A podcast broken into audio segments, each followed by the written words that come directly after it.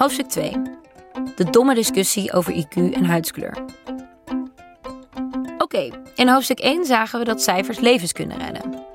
En we zagen dat er drie historische ontwikkelingen nodig waren voor ons grootschalige gebruik van cijfers: standaardiseren, verzamelen, analyseren.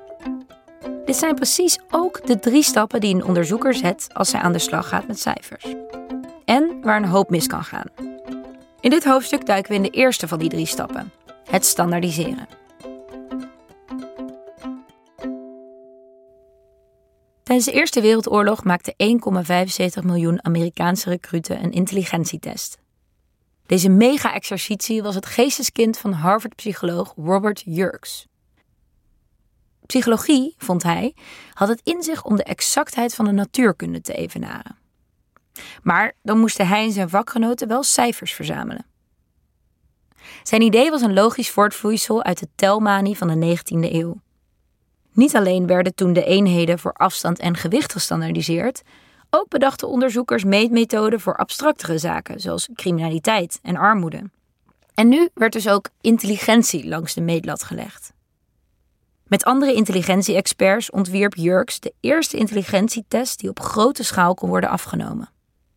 En zo gebeurde het dat tijdens de Eerste Wereldoorlog een onderzoek plaatsvond van historische proporties.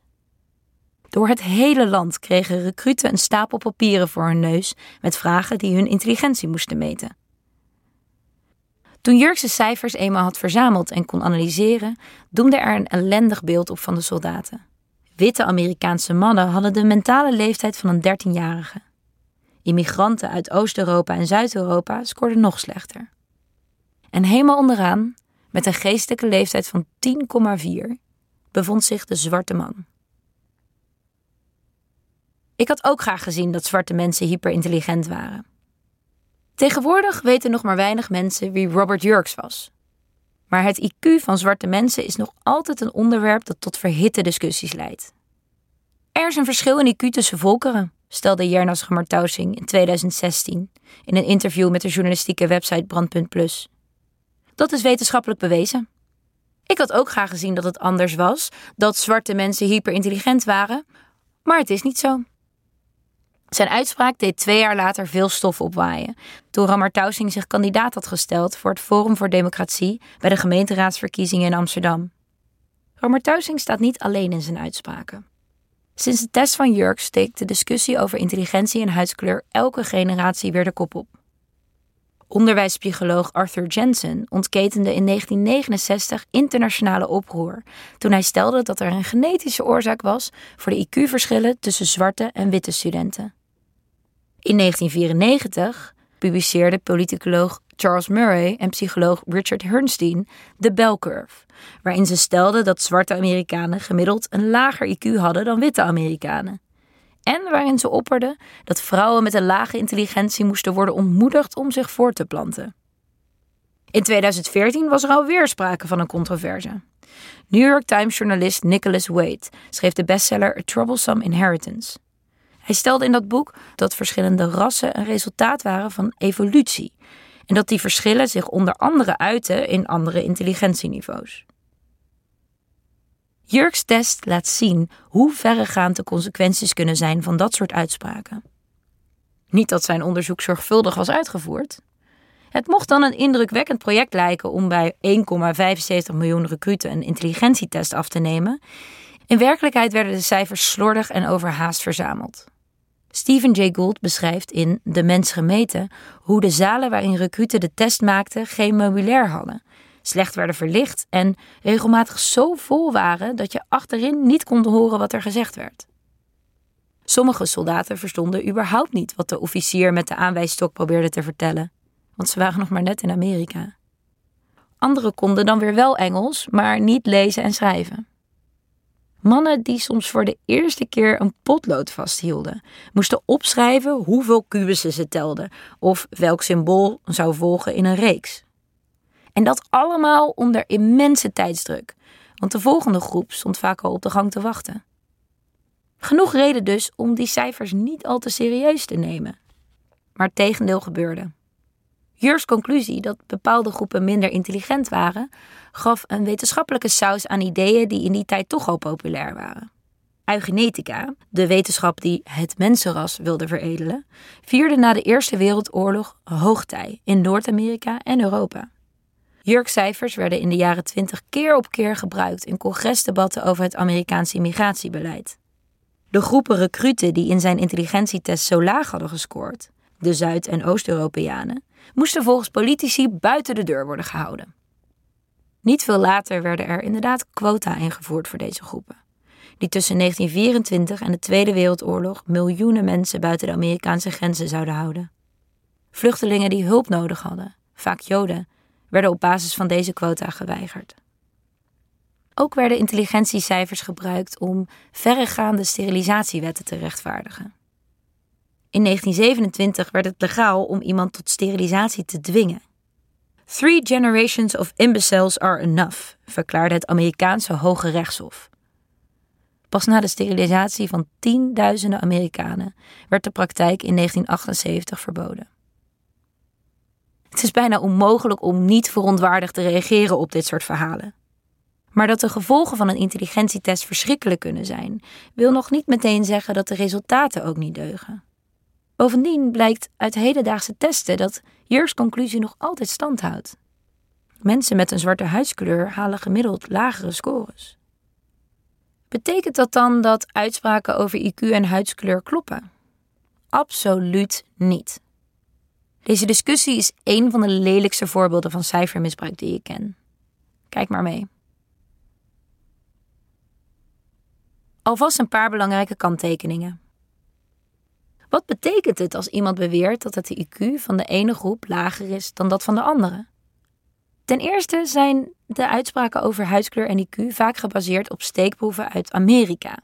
Het is dus niet zo dat alle zwarte mensen op deze testen lager zouden scoren, maar dat zwarte Amerikanen lager zouden scoren dan hun witte Amerikaanse medeburgers. Maar er is nog veel meer over te zeggen. In een uitspraak over intelligentiecijfers en huidskleur gaat het altijd om een gemiddelde. Het gemiddelde van de ene groep is lager dan dat van de andere groep. Maar achter die twee gemiddelden gaat een heel scala aan scores schuil.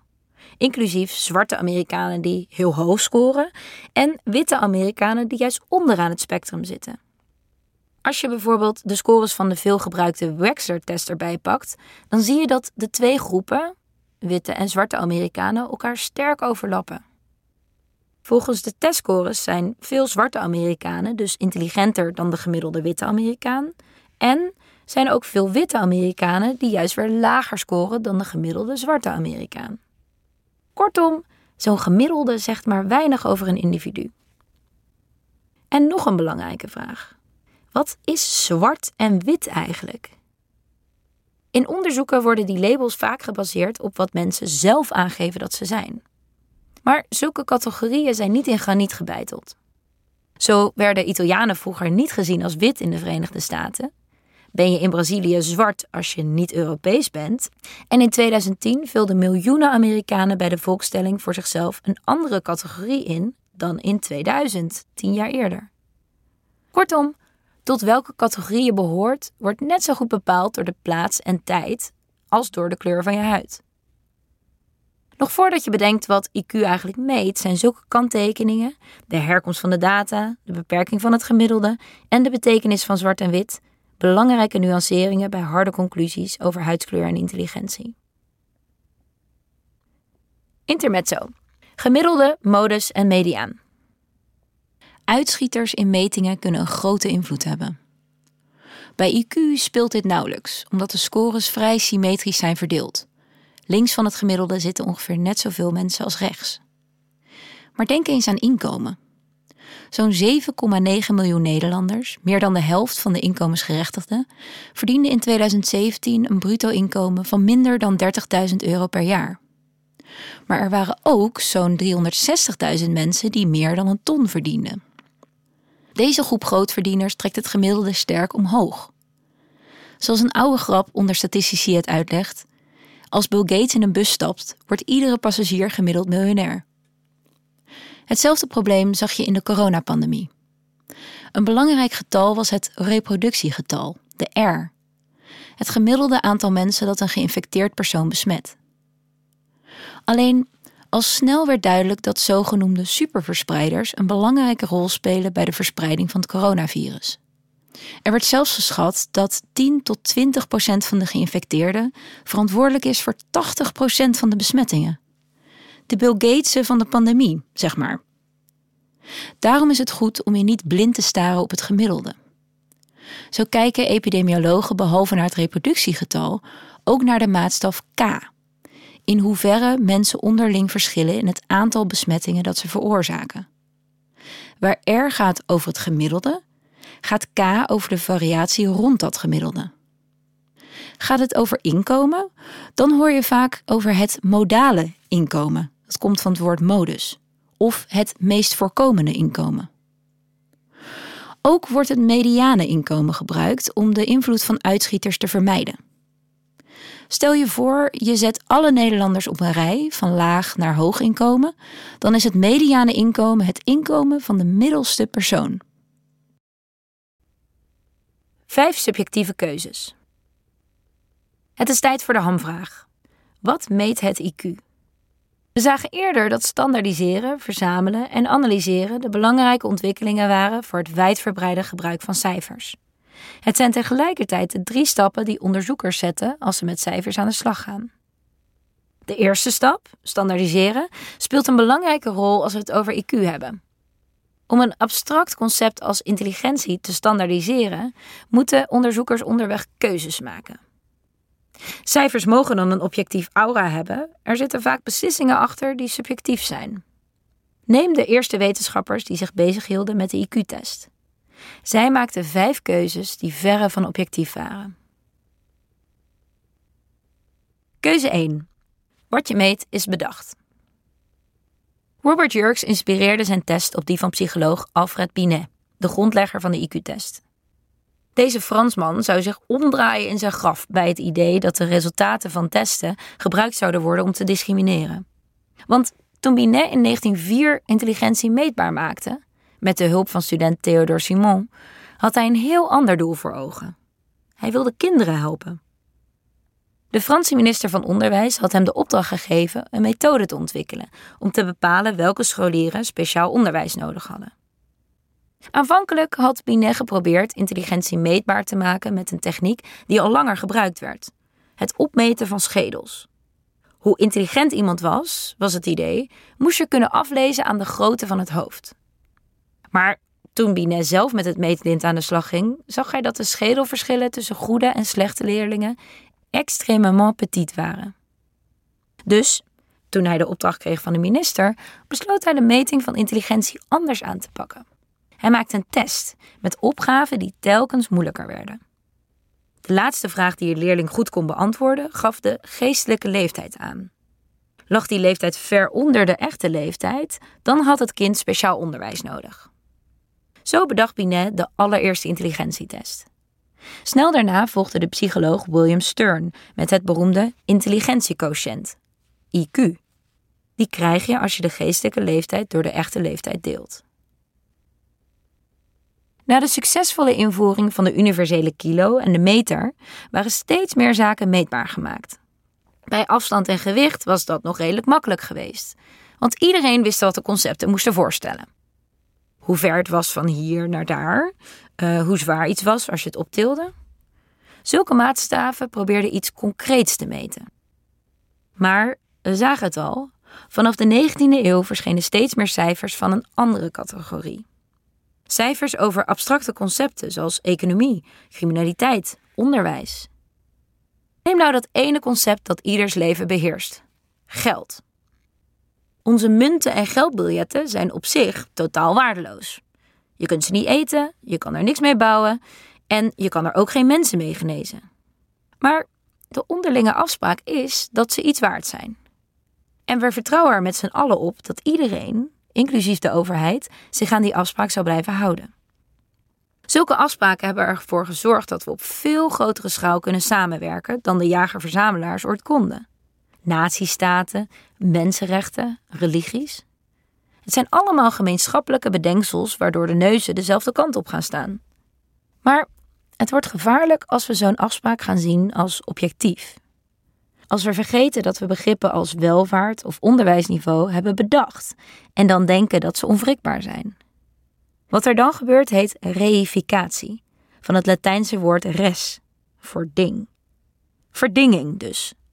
We bedenken iets, vergeten vervolgens dat we het hebben bedacht en geloven dan dat het echt bestaat. Door zo'n abstract concept te gaan meten, wordt het nog meer voorzien van een objectief aura. Neem het bruto binnenlands product, het BBP, de graadmeter van onze economie. Gaat ons BBP omlaag? Dan zitten we in een recessie. Moeten we als gevolg daarvan de broekriem aantrekken? Dan is dat omdat politici geloven dat dat goed is voor het BBP. Die maatstaf heeft dus concrete gevolgen. Je kunt er je baan door verliezen, je moet misschien meer belasting betalen of je krijgt juist een subsidie. Het klinkt alsof het BBP een ijzeren natuurwet is. Maar dat is helemaal niet zo. Het concept is nog geen 100 jaar oud. Het BBP werd bedacht in de Verenigde Staten in de jaren voor de Tweede Wereldoorlog. Het land zat toen in een enorme depressie. Maar hoe de economie er precies voor stond, dat wist niemand. Er waren wel wat losse statistieken over prijzen en transport, maar er bestond niet één cijfer dat samenvatte hoe het ging met de Amerikaanse economie. Dus vroeg de regering econoom en statisticus Simon Kuznets om het nationale inkomen te meten. Kuznets ging aan de slag. Hij telde de inkomsten van huishoudens en bedrijven keurig bij elkaar op. Toen hij in 1934 de eerste cijfers presenteerde, was de boodschap dramatisch. Tussen 1929 en 1932 was het nationale inkomen gehalveerd.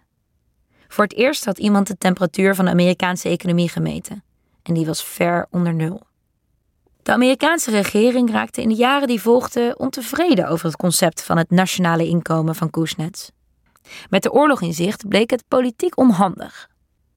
De overheid wilde liever geld steken in wapens dan in mensen. Maar volgens Kuznets methode zouden zulke overheidsuitgaven een daling van het nationaal inkomen betekenen. En dat zou weer de steun voor de oorlog doen verdampen. De oplossing? Een andere maatstaf: het bruto binnenlands product.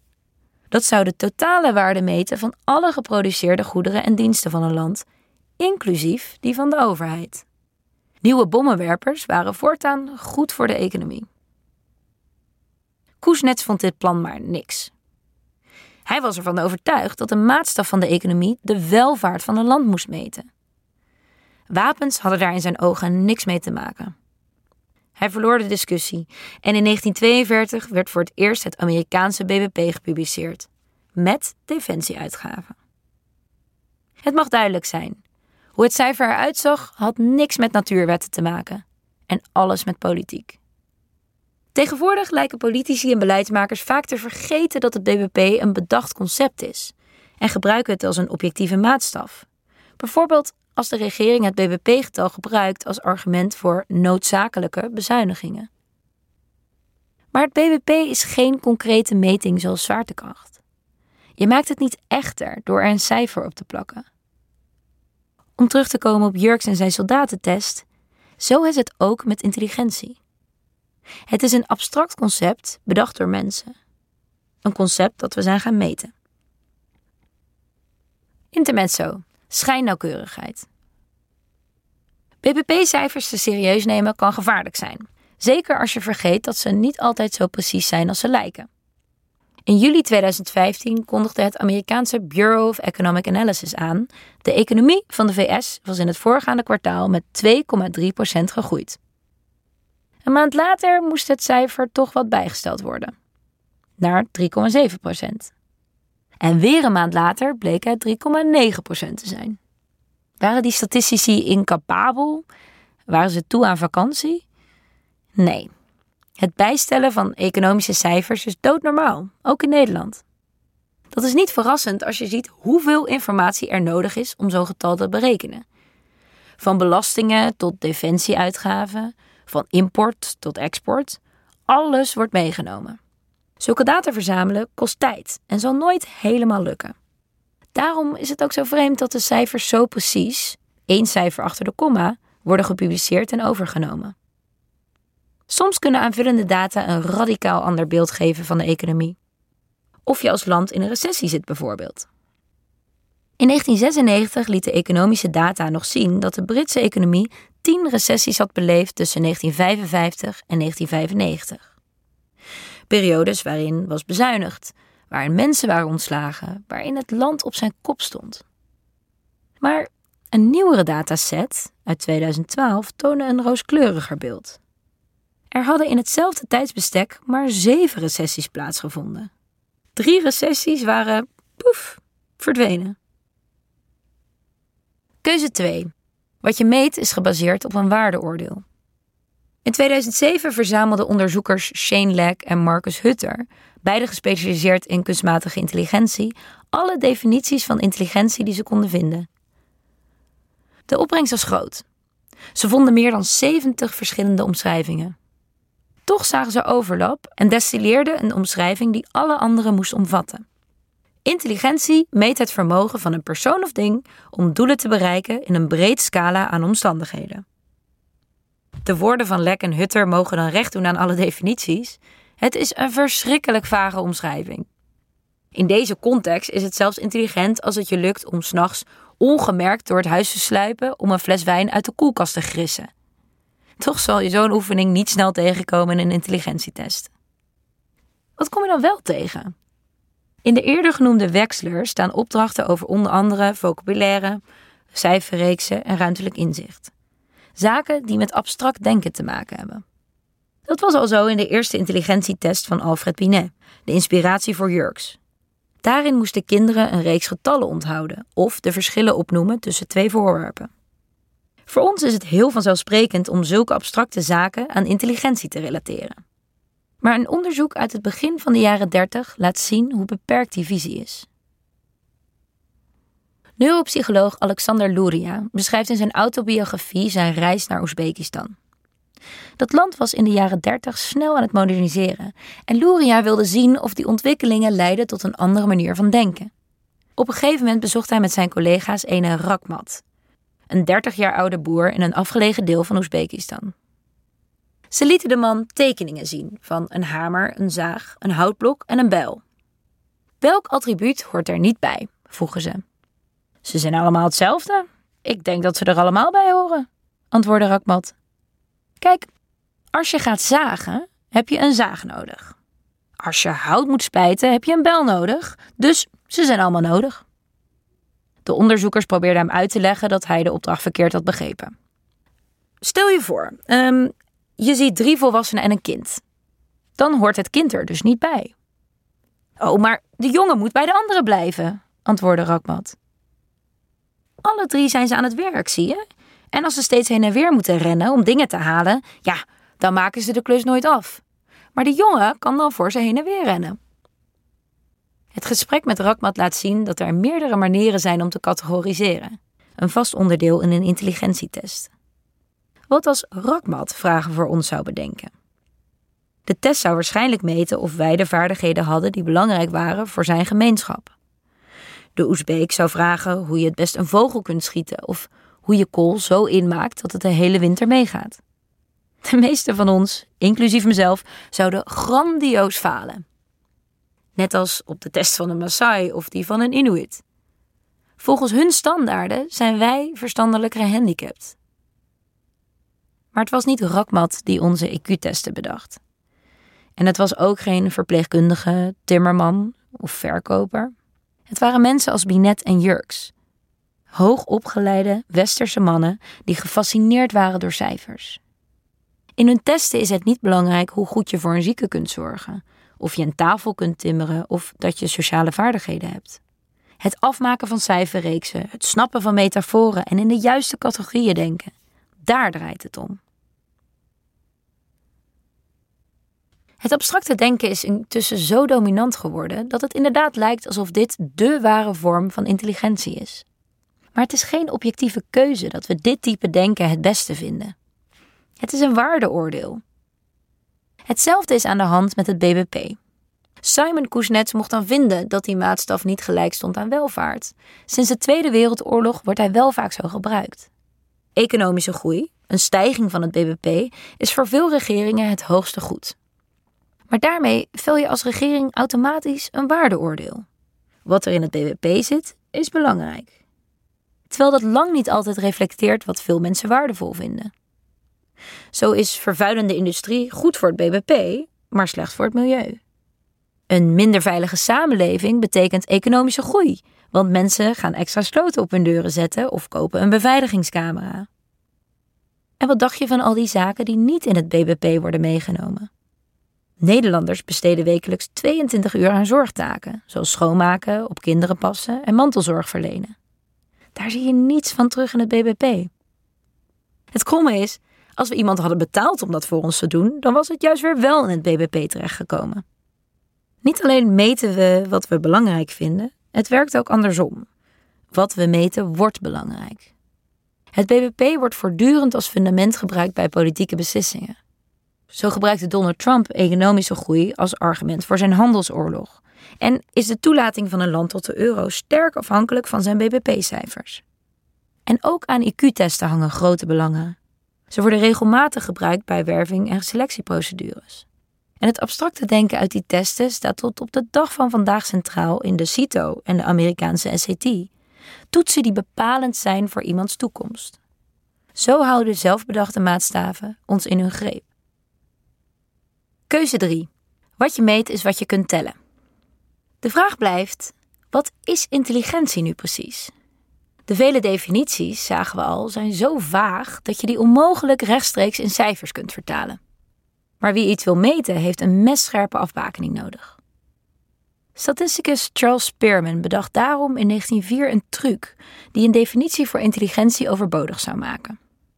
Want waarom moest je iets in woorden vangen als je de cijfers voor zich kon laten spreken? Spearman bekeek testscores en zag dat mensen die op de ene toets goed scoorden, vaak ook een hoge score hadden op een andere. Er moest een soort regelmaat schuilgaan achter al die testen. Maar welke? Spearman sloeg aan het rekenen en concludeerde dat je alle scores per persoon kon vertalen naar één getal. Hij noemde dat getal de G-factor en besloot dat het de algemene intelligentie van een persoon mat. Vandaar de G van general. Net als Jurks verlangde Spearman ernaar om van de psychologie een soort natuurkunde te maken. Die droom bleek met zijn methode weer een stapje dichterbij. De zelfverzekerde Spearman vond zijn werk qua invalshoek een Copernicaanse revolutie. Hij publiceerde zijn bevindingen in een artikel met de stellige titel General Intelligence Objectively Measured and Determined. Maar was hij wel zo objectief te werk gegaan als de titel deed vermoeden? Zelfs als we accepteren dat we met intelligentietesten alleen abstract denken meten en dat we veel andere zaken buiten beschouwing laten, dan nog zitten we met een probleem. De enige invoer voor Spearmans methode waren cijfers. Hij telde alleen mee wat te tellen was. Daarmee sloot hij van alles uit dat evenzeer met abstract denken te maken heeft. Zaken die lastig te kwantificeren zijn, de kwaliteit van een essay, de creativiteit van een oplossing. Of zaken die voor wetenschappers simpelweg te lang duren om te observeren. Hoe snel iemand een nieuwe taal leert of wat iemand doet als hij een fout heeft gemaakt. Het gevolg is dat een IQ-test nooit rechtstreeks meet wat intelligentie is, maar dat hij dat indirect doet. Het testresultaat is een proxy, een benadering. Op zich is daar niets mis mee, want een IQ-score helpt psychologen om inzicht te krijgen in de sterktes en zwaktes van een individu. Maar ze kijken dan wel verder dan dat ene eindcijfer. Ze bekijken de resultaten op losse testonderdelen en leggen de cijfers ook naast hun eigen observaties. Pas als de IQ-scores synoniem worden voor de intelligentie, dan is het oppassen geblazen. En dat is precies wat er gebeurt in discussies over intelligentie en huidskleur. De IQ-score wordt als dé werkelijkheid gezien in plaats van een benadering ervan. Het is precies wat psycholoog Edwin Boring in 1923 al stelde. Intelligentie is wat de testen testen. Voortdurend wordt in onze samenleving cijfers als synoniem gezien voor de ingewikkelde werkelijkheid die ze moeten benaderen. Denk maar aan je werk. In bijna elke baan word je afgerekend op telbare zaken. Hoeveel uur je werkt, hoeveel klanten je binnenhaalt, hoeveel patiënten je helpt. Maar soms zijn de echt belangrijke zaken lastig te tellen. hoe duurzaam je relatie met een klant is bijvoorbeeld, of hoe vriendelijk je zorg. Het doet denken aan de tekst die naar verluid op de muur van Albert Einsteins kantoor hing. Not everything that counts can be counted. And not everything that can be counted counts. Met cijfers bijhouden over je werk is, net als met de IQ-test, niks mis. De gegevens geven inzicht in je werkzaamheden. Maar het wordt problematisch als de cijfers gelijk komen te staan aan de kwaliteit van je werk. Als genegeerd wordt wat je verder doet in je werkweek en er op kortzichtige cijfers wordt gestuurd. Zo werden politiekorpsen in Nederland een tijd lang afgerekend op het aantal uitgeschreven bonnen. Het gevolg? Er werden speciale bonnendagen georganiseerd, waarop agenten zoveel mogelijk bekeuringen moesten uitdelen. Lichte vergrijpen die normaal door de vingers werden gezien, rijden zonder fietslicht, het niet omhebben van een autogordel, die werden ineens beboet. Of deze aanpak de samenleving veiliger maakte, dat was van ondergeschikt belang. En neem de Britse minister van Gezondheid, Matt Hancock, die begin april 2020 beloofde dat het Verenigd Koninkrijk aan het einde van de maand 100.000 coronatests per dag zou uitvoeren. Op 1 mei maakte hij bekend: jawel, het doel was ruimschoots gehaald. Met 122.347 uitgevoerde tests in de 24 uur voor de deadline. Een nationale prestatie, volgens Hancock. Alleen een derde van die tests was slechts opgestuurd naar mensen thuis of naar ziekenhuizen, zonder idee of en wanneer ze zouden worden gebruikt. De testcapaciteit was volgens de cijferwerkelijkheid verbeterd. De echte werkelijkheid viel wat tegen. Er waren simpelweg heel veel pakketjes op de bus gedaan.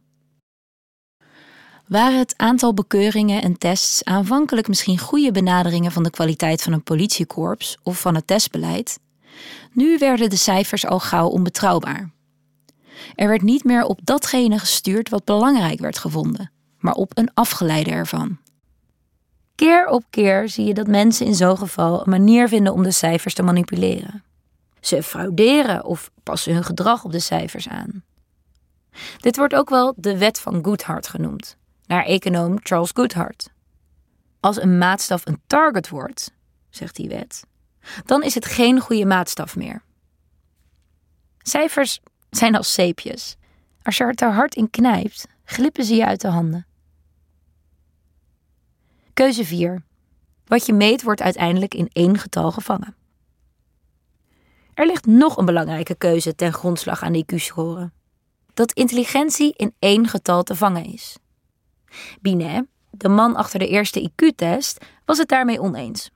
Op de keper beschouwd, waarschuwde hij, zegt de schaal niets over de mate van intelligentie, omdat intellectuele kwaliteiten niet optelbaar zijn.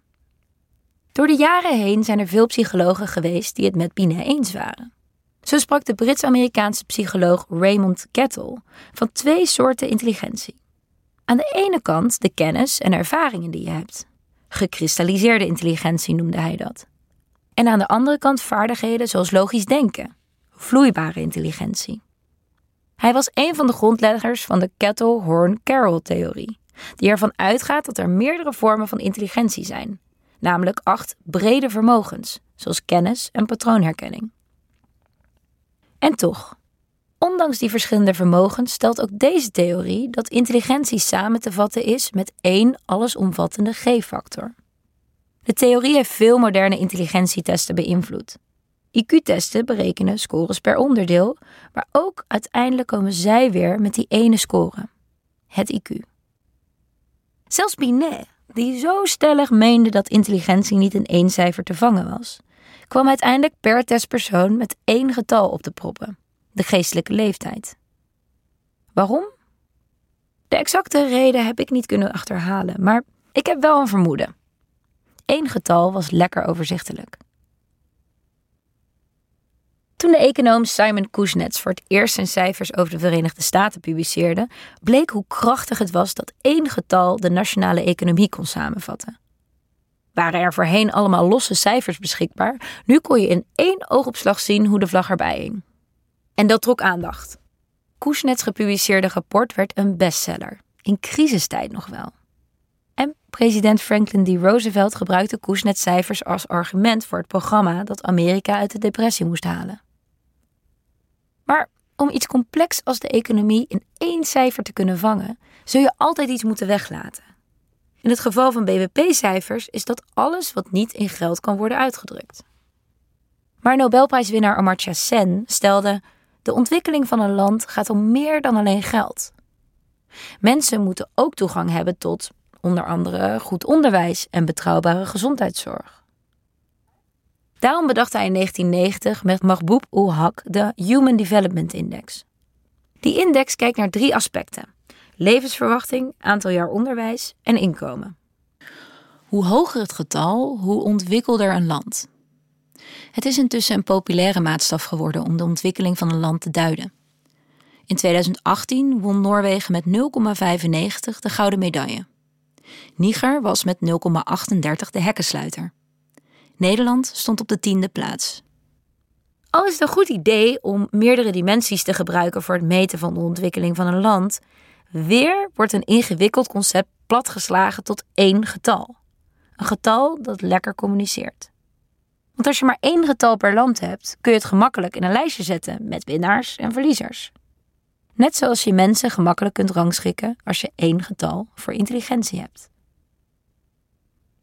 Intermezzo, ranglijsten. Mijn boek is natuurlijk niet het best verkochte boek ooit. Al is het wel het best verkochte boek ooit met deze titel. Het is een knipoog naar de ranglijsten die je overal ziet opduiken.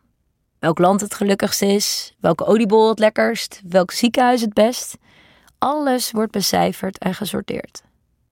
Sommige van die ranglijsten zijn klinkklare onzin. Toen een oliebollenbakker in de talkshow Jinek kwam vertellen hoe hij een 1 had gekregen in de AD-ranglijst, bleek dat er met de cijfers was geknoeid. De jury zou namelijk nooit lager dan een 3 hebben gegeven. Hoofdredacteur Hans Nijenhuis gaf later toe: Ja, die cijfers werden op ons verzoek omgerekend tot een schaal van 1 tot 10, zodat er ietsje meer onderscheid in de uitslag kwam. Ook de jaarlijkse AD-ranglijst voor ziekenhuizen zegt weinig. Elk jaar kiest het AD willekeurig een aantal kenmerken waarop ziekenhuizen worden beoordeeld. Bedrijfskundige Herm Joosten liet in 2014 zien dat ziekenhuizen elk jaar gemiddeld maar liefst 25 plaatsen stijgen of dalen. Van de ziekenhuizen die in het ene jaar in de top 10 stonden, waren de meeste het jaar daarna alweer verdwenen naar de lagere regionen van de lijst. Kies je dus het beste ziekenhuis uit, dan is de kans groot dat het ziekenhuis al lang niet meer de beste is tegen de tijd dat je er terecht komt. Tot zover het intermezzo.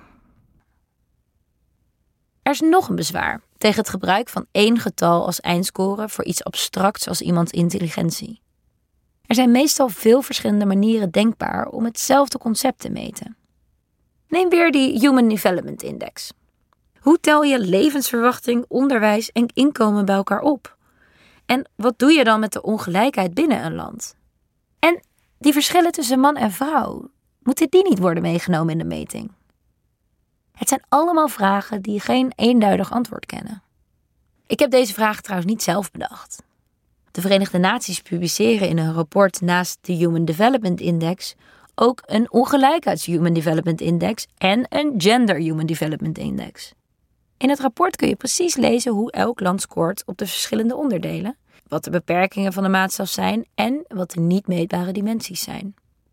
Maar al die nuances halen zelden de krant.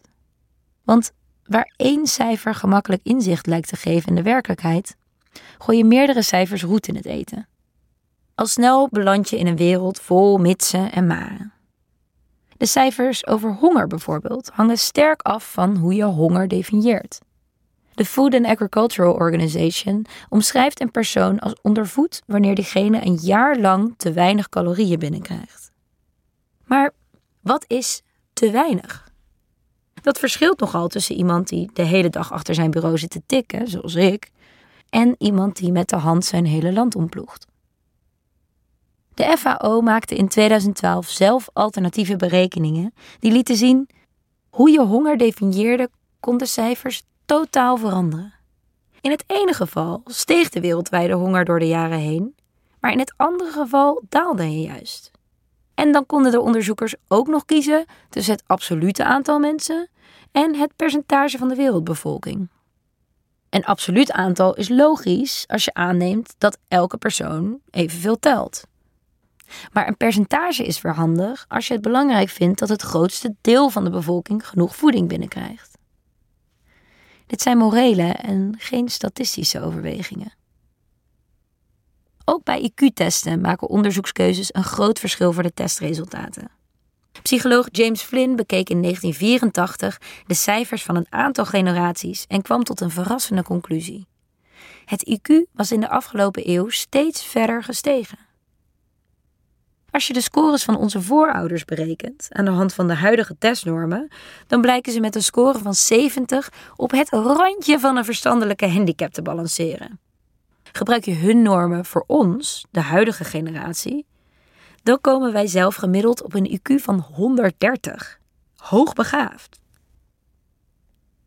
Flynn ontdekte het effect in 1984, 80 jaar nadat Alfred Binet zijn eerste test uitvoerde met Franse scholieren.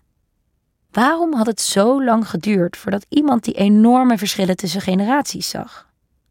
Flynn's conclusie is sindsdien keer op keer wetenschappelijk bevestigd. Maar zijn gemeten effect is niet iets wat je met het blote oog ziet. Eens in het zoveel tijd wordt de test namelijk geüpdate. Neem de Wexer-test voor kinderen. Die werd in 1949 voor het eerst gebruikt, maar werd vervolgens vier keer vernieuwd. In 1974, 1991, 2003 en 2014. Niet alleen worden de vragen bij zo'n grote beurt afgestoft, maar ook de scores. De nieuwe test wordt uitgeprobeerd op een groep mensen en de IQ-scores worden zo berekend dat het gemiddelde van de testgroep op 100 uitkomt. Die testgroepen, net als de samenleving, zijn steeds beter gaan scoren. Psycholoog James Flynn stelde vast dat we beter zijn getraind in een bepaalde manier van denken. Dat abstracte denken dat in de afgelopen eeuwen tot steeds meer scholen en banen is doorgedrongen. Ben je dus net zo intelligent als je voorouders? Dan zal je IQ lager uitkomen. Keuze 5. Wat je meet is wat je erin wilt zien. Terug naar Jurks en zijn intelligentietest onder Amerikaanse recruten tijdens de Eerste Wereldoorlog. Zijn team stelde niet alleen vast dat immigranten volgens de testscores vaak zwak begaafd waren en zwarte mannen al helemaal onderaan de ladder stonden. Het vond ook een rits aan andere resultaten. Zo bleek dat er een sterk verband bestond tussen iemands testscores en het aantal jaren onderwijs dat hij had genoten. Toch concludeerde Jurks niet dat onderwijs leidde tot een hogere intelligentie. Hij dacht dat het verband andersom was. Hij schreef: De theorie dat algemene intelligentie een van de belangrijkste bepalende factoren is voor verblijf op school, wordt door deze verzameling gegevens zonder meer bevestigd. Ook toen hij opmerkte dat zwarte mannen minder onderwijs hadden genoten, zag hij dat niet als reden voor hun lagere score. Het was hun lage aangeboren intelligentie, dacht Jurks, die ervoor had gezorgd dat ze minder lang naar school gingen. Dat ze leefden in tijden van segregatie, vergat hij even. Jurks maakte hiermee een denkfout die we in hoofdstuk 4 nog uitgebreid tegen zullen komen. Hij nam klakkeloos aan dat het verband oorzakelijk was dat de kleur van je huid bepaalt hoe goed je kunt denken. Terwijl zijn cijfers die conclusie helemaal niet konden bevestigen. Hij leed niet de cijfers spreken, maar zijn onderbuikgevoel. En dat onderbuikgevoel was in lijn met zijn tijd. Dat blijkt wel uit het voorwoord dat Jurk schreef voor A Study of American Intelligence, een boek dat gebruik maakte van zijn dataset en veelvuldig door eugenetici werd gebruikt in de discussie over immigratie. Niemand van ons, schreef Jurks, kan het zich als burger permitteren om de dreigende rasverslechtering of het onmiskenbare verband tussen immigratie en nationale vooruitgang te negeren. Dit zie je keer op keer, en we zullen het in het boek nog vaak tegenkomen. Cijfers worden op zo'n manier geïnterpreteerd dat het past bij de overtuigingen of behoeften van de gebruiker. De bedenker van de intelligentietest, Alfred Binet, had al gewaarschuwd dat we intelligentie niet als iets onveranderlijks moeten zien. En toch besloot Jurks zijn cijfers zo te interpreteren dat de testscores stonden voor aangeboren capaciteiten. Ook de man die het BBP op de kaart zette, de econoom Kuznets, waarschuwde dat het cijfer niet gelijk stond aan welvaart. En toch is het BBP-cijfer in de loop van de 20e eeuw keer op keer precies daarvoor gebruikt: om welvaart te meten. Dit soort slordige interpretaties zijn gevaarlijk. Als je cijfers serieus wilt nemen, moet je erkennen dat er een hoop is dat ze niet zeggen. Dat het BBP slechts een maatstaf is van productie en dat het IQ niet meer is dan je score op een test. In plaats daarvan worden de cijfers opgeblazen met overtuigingen en vooroordelen tot iets wat ze niet zijn. Wat kunnen we intussen, een eeuw later, zeggen over Jurks interpretatie van de testscores van de soldaten? Had hij gelijk? Meten IQ-cijfers inderdaad aangeboren intelligentie? Nee. Zoals Binet al vermoedde, is gebleken dat iemands intelligentiecijfer niet in beton gegoten is. Het belangrijkste bewijs daarvoor is het Flynn-effect. Het feit dat het IQ door de jaren heen gestegen is, betekent niet dat onze voorouders oliedom waren en wij briljant. We zijn simpelweg beter geworden in het abstracte denken, omdat het overal van ons wordt verwacht. In de woorden van schrijver Malcolm Gladwell: Een IQ meet niet zozeer hoe slim we zijn, als wel hoe modern we zijn. Psychologen zijn het erover eens dat het IQ zowel door omgeving als door genen wordt bepaald. Leefomstandigheden kunnen dus een enorm verschil maken. Zo bleek dat Indiase boeren op een IQ-test gemiddeld 13 punten lager scoorden voor de oogst, een periode van honger en geldproblemen, dan erna. Hun denkvermogen was voor de oogst zo opgeslokt door hun armoede dat ze minder ruimte hadden om helder na te denken.